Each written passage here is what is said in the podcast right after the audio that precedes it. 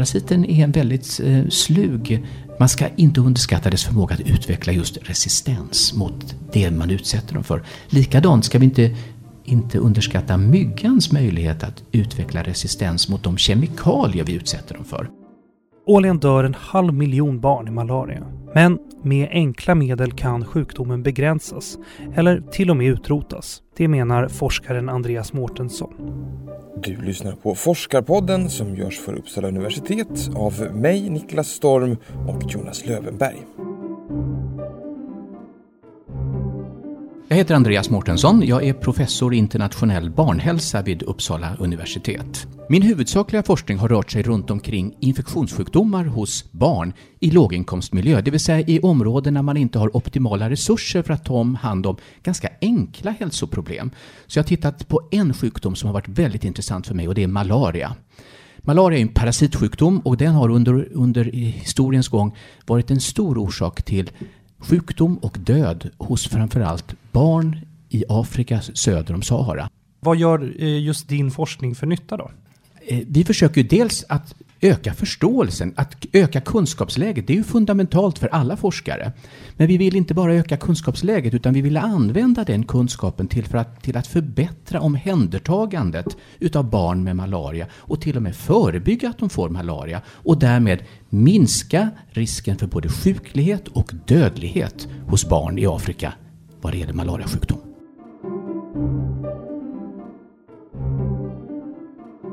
Jag kommer ursprungligen ifrån Skåne. Jag är född i Malmö.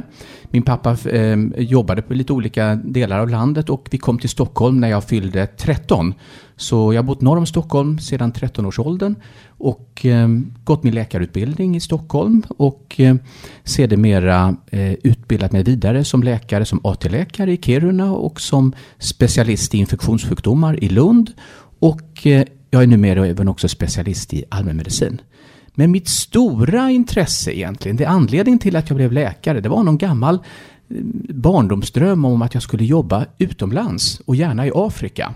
Och eh, det har jag lyckats få till på, på olika vis. Ja. Eh, eh, framförallt eftersom jag lyckades övertala min hustru som också är läkare eh, att vi skulle göra detta som ett gemensamt projekt. Så vi har jobbat tillsammans, min, min, min hustru kommer från Pakistan och eh, vi har jobbat tillsammans där, men vi har också jobbat i Zimbabwe under två år, under 2000 till 2002. De här utlandsvistelserna har varit väldigt värdefulla och viktiga för mig vad det gäller också min forskningskarriär. Eh, de, de har liksom satt agendan i, i stor utsträckning. För jag har sett saker eh, med mina egna ögon ute i fält, ute på de mindre sjukhusen, som har varit till glädje för mig för att kunna liksom formulera forskningsfrågor för att kunna komma vidare. Och jag har alltid varit intresserad av sjukdomar som är fattigdomsrelaterade. Hur kan vi som svenska läkare och svenska forskare hjälpa till att förbättra hälsosituationen i fattigare länder? Forskare då? Hur hamnade mm. du där? Ja, det var någonting som kom ganska sent eh, i mitt liv. Jag, jag var väldigt mycket kliniker. Jag älskar, och det gör jag fortfarande, att eh, ta hand om patienter att prata med patienter, att eh, diagnostisera och behandla. Det var först när jag hade jobbat en dryga tio år som läkare och vi kom tillbaka från, från Zimbabwe 2002 som jag insåg att nu, nu, är det, nu är jag redo för att göra något annat. Så jag tog kontakt med en, en mycket, mycket framstående professor inom malaria. Anders Björkman på Karolinska institutet. Och eh, jag frågade honom lite försiktigt, finns det någon möjlighet tror du för en person som inte har någon tidigare forskningserfarenhet, men erfarenhet av att jobba utomlands, att få vara med i något projekt? Så jag började lite försiktigt.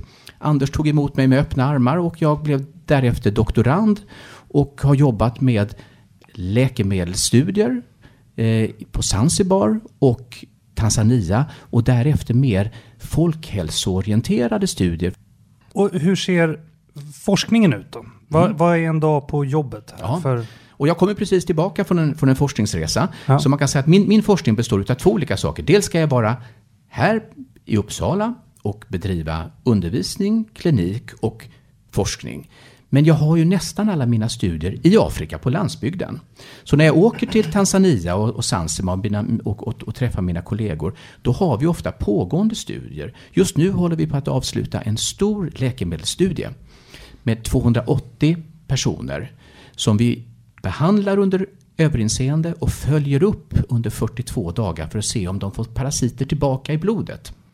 Och då använder vi två olika typer utav eh, eh, Eh, behandlingsregim.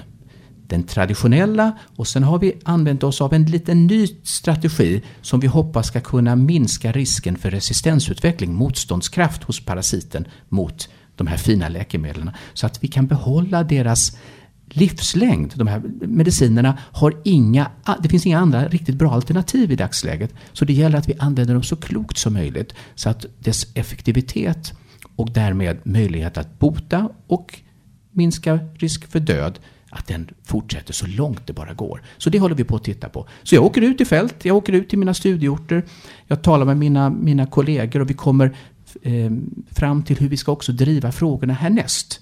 För att det bollas ju forskningsfrågor hela tiden. Man gör en sak i fält, nya frågor uppstår, man går och funderar över dem, hur ska vi ta oss an dem? Så att det, är ett, det, är ett, det, är ett, det är ett bollande fram och tillbaka mellan klinisk forskning och det vi gör mer intellektuellt när vi förbereder.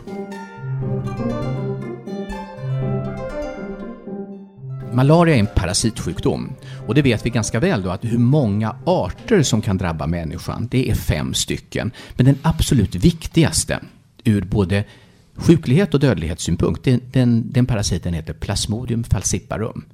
Och den är framförallt utbredd i Afrika söder om Sahara. Det är där ungefär 90 procent av all sjuklighet och dödlighet sker i världen. Så det är där jag har fokuserat mycket av min, min verksamhet, just av den anledningen. Det är där malarian slår som hårdast. Och eh, hur, hur sprids malarian? Det är via myggor? förstås? Ja, det är den. Precis. Det är en speciell typ utav, utav myggor som heter anophelesmyggor. Och där är det honan som behöver ta ett blodmål. Och eh, då suger hon upp parasiter hos en infekterad individ. Och genom en del utav parasitens eh, eh livscykel så kan hon sen transportera den vidare till nästa, kanske oinfekterade individ. Och därmed så tjänar hon som en vektor som det heter. Hon överför infektionen från en människa till en annan. Hur många är det årligen då som insjuknar i malaria? I storleksordningen säger WHO nu, de, de kommer med en årlig rapport varje år som heter World Malaria Report och det kom, den kommer ut på senhösten. Och de data vi har tillgång till nu via den, det, det speglar 2016. Eh, den rapport då som kom ut på hösten utav 2017. Och då talar man om i storleksordningen 200 miljoner kliniska fall. Och malarian då är, är den, den, finns och smittar eh, i ungefär 90-tal länder. Men den absolut tyngsta bördan utav malaria den bärs utav den afrikanska befolkningen söder om Sahara och framförallt då den fattigare delen utav befolkningen. Och nu sa du 200 miljoner fall. Ja. Hur många av dem dör eller får allvarliga men av ja. sjukdomen. Och det, eh, som sagt, man ska veta om att statistiken är inte 100% Men vi talar idag om i storleksordningen en halv miljon individer som dör utav malaria varje år. En stor andel, kanske i storleksordningen 90%, är barn under fem års ålder, för det är den stora riskgruppen. Mm. Men om vi tittar tillbaka, när de tidigare läkemedlen, klorokinfosfat, när de slutade fungera, då talade vi om i storleksordningen 1-3 miljoner dödsfall per år. Och det är bara ett, 15-20 år sedan. Så att det har skett en enorm förbättring under de sista 10-15 åren. Men nota bene, i den sista rapporten från WHO så talar man om att den här nedgången den är inte alls så tydlig från 2015 till 2016. Så möjligen är vi på väg att se ett trendbrott där den goda förbättringen och utvecklingen kanske inte riktigt kan vidmakthållas. Mm. Den som insjuknar i malaria, vilken typ av symptom får man? Ja, det viktigaste symptomet är, är feber. Sen kan man ha en, mängd olika andra symptom eh, och de är väldigt okaraktäristiska. Hos barn i Afrika så kan man ha såväl som, som hosta som lite mag-tarmbesvär eh, i form av kräkningar och lite lösare avföring. Så det går liksom inte att ställa diagnos utan att ta ett blodprov och påvisa parasiten. För den här typen av symptom, lite allmänna symptom med feber, det kan vara en enkel virusinfektion, men det kan lika väl vara början på en allvarlig bakterieinfektion. Så det är jätteviktigt. Och det är en del av det här förbättringsarbetet som vi har sett. Det är att vi har en god diagnostik, en möjlighet att påvisa att de som är sjuka har eller inte har malaria i blodet. Det är fundamentalt. Har man malaria, då vet man hur man ska behandla. Men sen har vi alla de nu som inte testar positivt för malaria. Och vad gör vi med dem? Ja, just det. Och det ser ut så här idag då att när man har kunnat förbättra malaria i många delar utav Afrika, eh, då, och man kan utesluta förekomsten utav malaria, då har man väldigt få differentialdiagnostiska eh, verktyg, det vill säga man kan inte påvisa eller säkerställa om den här infektionen nu, när den inte är malaria, om det är virusinfektion eller bakterieinfektion. Och det innebär att många utav de barnen, de får antibiotika. För man vågar inte chansa. Nej, och genom att ge mycket antibiotika så överskriver vi det. Och därmed också ökar vi risken för antibiotikaresistens. Och hela den här problematiken som jag jobbar med, med malaria och bakterier, där är resistensutvecklingen, motståndskraften hos mikroorganismerna, den är fundamental. För det är faktiskt ett av de största folkhälsobekymren som vi står inför idag.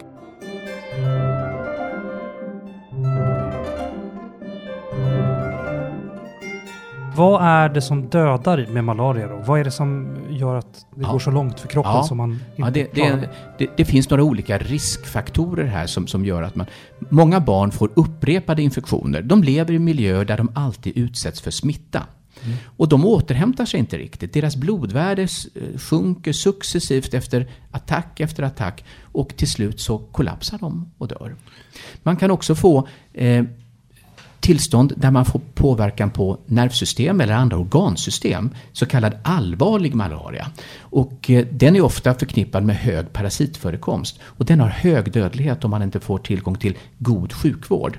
Men vad jag sysslar med, jag sysslar med den okomplicerade malariasjukdomen, det vill säga att hinna diagnostisera och behandla den innan den blir allvarlig.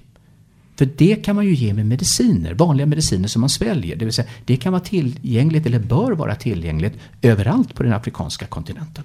Går det att bota malaria? Ja. Hur, hur då? Ja, mediciner. Och, där, där, har vi eh, bra mediciner tillgängliga. På den afrikanska landsbygden så har vi eh, ganska väl eh, dokumenterat att de mediciner vi har kan bota en enskild episod.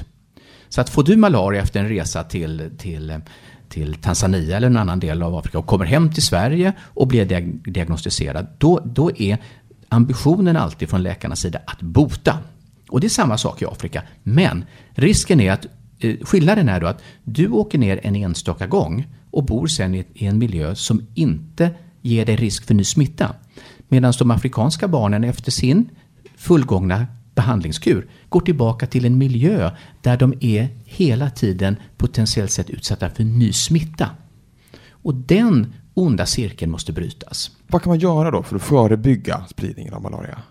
Ja, först och främst, man ska sova under impregnerade myggnät. Det är, det är A och O. Och idag har vi, inte, har, vi en, har vi tillgång till lite bättre och långverkande kemikalier i de här myggnäten. Förr i världen när, jag, när de här började introduceras, då, då räckte kemikalierna och dess verksamma substans i sex månader. Och sen var man tvungen att reimpregnera. Och det var en logistikproblem som var, som var stort. Nu har vi eh, förlängd verkningstid utav de här impregnerade myggnäten. Så nu håller de ungefär tre år. Och det är ungefär så långt som ett nät håller me mekaniskt. Sen måste man byta ut detta. Men det gäller att man har system för att få människor att få tillgång till de här impregnerade myggnäten. Att man har distributionssystem för detta. Och det har man gjort lite olika i olika länder.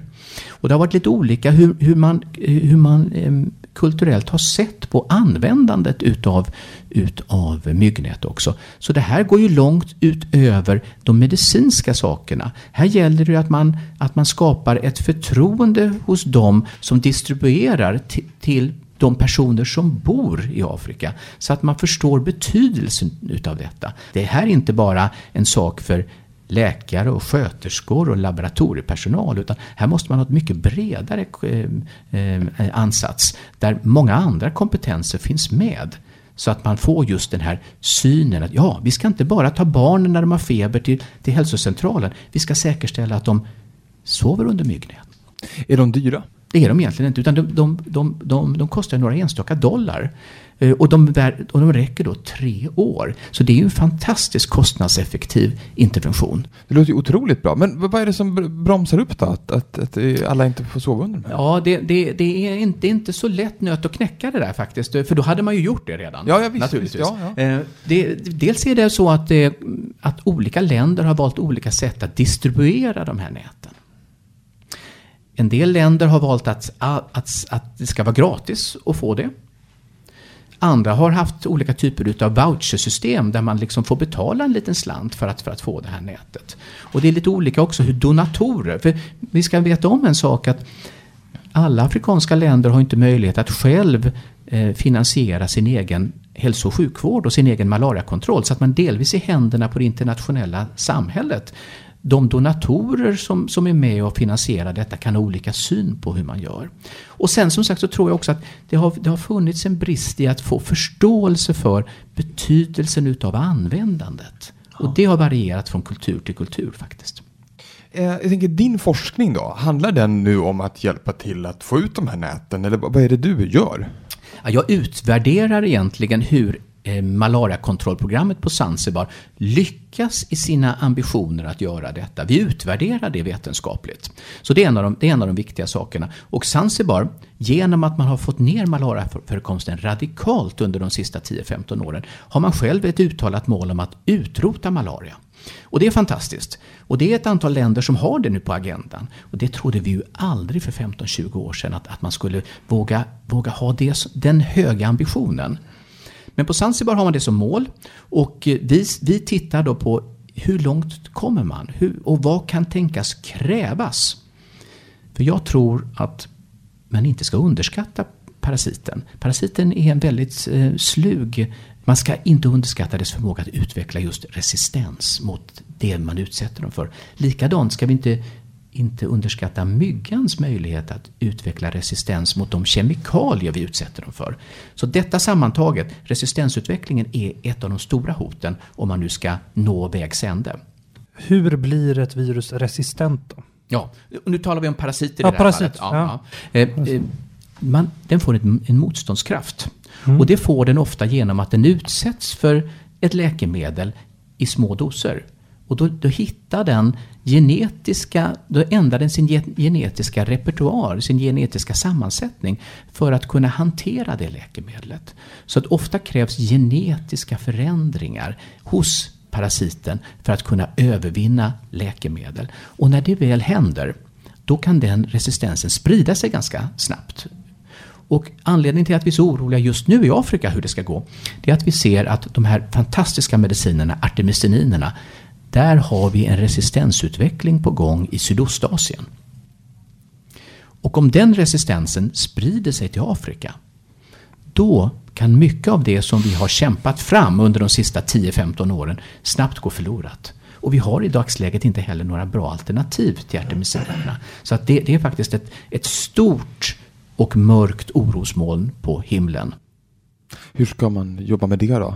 Och det, det jobbas ju jättemycket med redan. WHO har stora insatser på gång för att kunna säkerställa att den, de här parasiterna inte sprids vidare. Mm. Man har inte varit helt lyckosam än så länge, men fortsatt är det eh, Mekongdeltat och en fyra, fem länder där man har sett den här resistensen. Och den har ännu så länge inte spridit sig och blivit etablerad i Afrika. Men det här hänger då kanske samman med att försöka utrota malarian? Ja. Vad konkret kan man göra för att liksom utrota den här parasiten? Ja. Alltså man måste först eh, ha förståelse för vad är, vad är de viktigaste kontrollverktygen idag och vad behöver vi eventuellt lägga till? Och kontrollverktygen idag, de är egentligen en handfull bara och de är ganska enkla. Det är att förebygga och då är det två principiellt viktiga metoder. Dels att sova under impregnerade myggnät dels att spraya inomhus. För det är inomhus som vanligtvis parasiten, eller myggan, tar sitt blodmål och därefter måste hon vila. Och kan man då spraya med kemikalier inne i hyddorna, på väggar och tak, då kan man se till så att, man, så att hon inte överlever detta. Sen måste man ha en bra diagnostik, snabbtester, och det har vi idag. Så att man kan påvisa vem har de facto en infektion med malaria eller inte. Så att man bara använder malariamediciner mot de som verkligen har en, en påvisbar infektion. Och sen måste man ha effektiva mediciner. Och det har vi idag. De här artemisininbaserade kombinationsläkemedlen. I Afrika fungerar de bra. Sen är vi slutligen den andra stora riskgruppen för malaria, det är, det är gravida kvinnor. Och där finns möjlighet att ge förebyggande behandling två till tre gånger under graviditetens gång. För att minska risken för malariainfektion och därmed förbättra möjligheten för, den, för, för det nyfödda barnet att överleva. Så de fem sakerna de är absolut fundamentala för att man ska klara av att få ner bördan utav malaria. Men sen krävs det sannolikt ytterligare verktyg. Och riktigt vad de består utav, det vet vi inte. För de, det kommer säkert skilja från en del utav Afrika till en annan. Vad vi ju hoppas, men vi står inte riktigt där ännu, det är ju att få ett vaccin. Till exempel. Det hade varit en fantastisk extra verktyg för att förbättra möjligheten att utrota malaria. Men där står vi inte idag.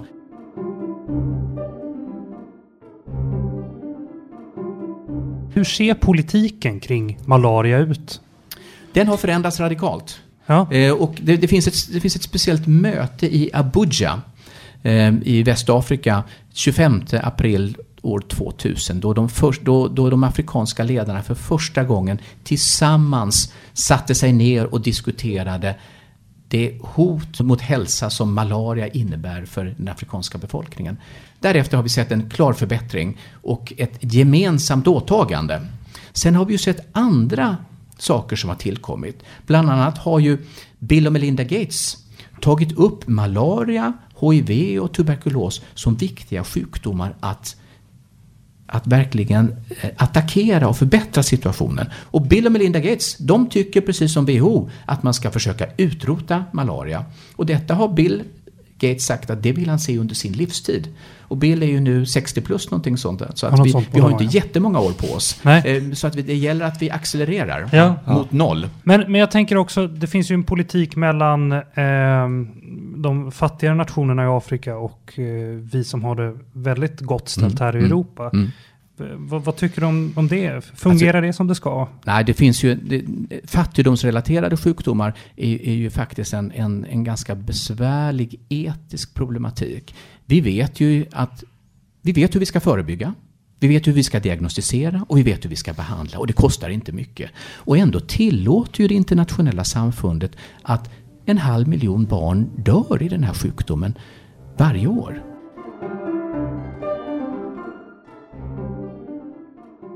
varför finns det ens malariamedicin då? Hur började man behandla? Ja, eh, malariamediciner har, har ju funnits i den traditionella eh, farmakopen, som vi säger. Det har funnits som traditionell medicin.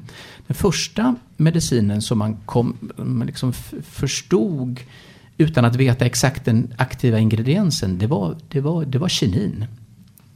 Eh, och det är kanske det läkemedel som har ändrat historiens gång mest utav alla läkemedel än så länge. Peruanska indianer har använt barken på chinkonaträdet, kinin, för att behandla feber och det har man gjort sedan urminnes tider. Det var först någon gång på 1600-talet som katolska kyrkan eh, liksom fångade upp den här kunskapen som fanns. Och så började man använda det. Och det var det den medicin som krävdes för att kolonialisterna skulle kunna invadera Asien och den afrikanska inlandet. För man kunde komma till kusterna. Där var risken för malaria kanske inte så jättestor. Men så fort man gick in i inlandet utav Afrika, då dog kolonialisterna utav en febersjukdom. Och det var malaria. Men tillgången till det här läkemedlet, det var helt fundamentalt för att man skulle kunna gå vidare militär forskning har varit väldigt viktig för utvecklandet av läkemedel mot, mot malaria. För i många krig i tropiska och subtropiska områden har fler soldater dött i malaria än av kulor. Så för krigsmoralen har det varit viktigt att de militära läkarna och forskarna har haft tillgång till bra malarialäkemedel. Det var så amerikanska armé läkare och forskare utvecklade ett av de lite senare preparaten som heter Meflosin, eller känt som Lariam också. Det gjordes under eh, under, under Vietnamkriget. Och då stod plötsligt kommunisterna utan läkemedel. Och vad gjorde man då? Då gick man till kamrat Mao Zedong Aha. i Kina och eh, bad om hjälp. Och Mao Zedong under kulturrevolutionen som det här rör sig om då, han satte 500-600 forskare att göra det de var utbildade för i ett hemligt projekt som kallades Projekt 523. I detta projekt så fick man uppdrag om att skrina den klassiska kinesiska farmakopen, det man har använt som traditionell medicin. Och då hittade man artemisininen som är en malört. Den malörten visade sig innehålla den mest aktiva ingrediensen mot malaria, det vill säga det som avdödar malariaparasiter bäst utav alla läkemedel, artemisininer. Är det eh, en, en skröna? Engelsmännen, drack de gin och tonic för att inte få malaria? I tonic, alltså inte i ginen. Ja. I tonicen så finns det lite kinin. Ja. Och, och kinin är ju en klassisk malariamedicin.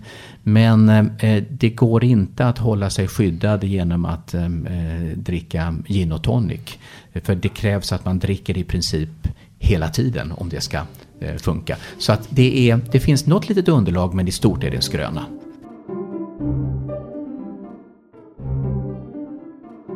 Vad är nästa stora steg i din forskning? Ja, vi eh, vill då säkerställa att vi använder de läkemedel vi har på ett så smart sätt som möjligt. Vi vet att risken för resistensutveckling finns. Vi har inte så många alternativa mediciner idag. Då måste man ju se till så att de läkemedel vi har används så klokt och intelligent som möjligt.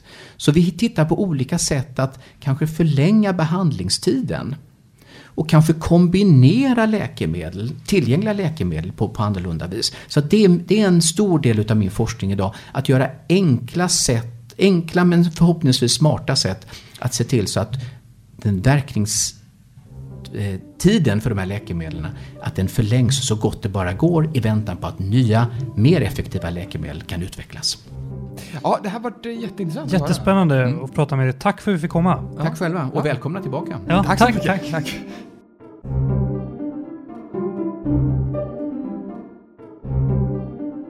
Du har hört Forskarpodden, denna gång med malariaexperten Andreas Mårtensson.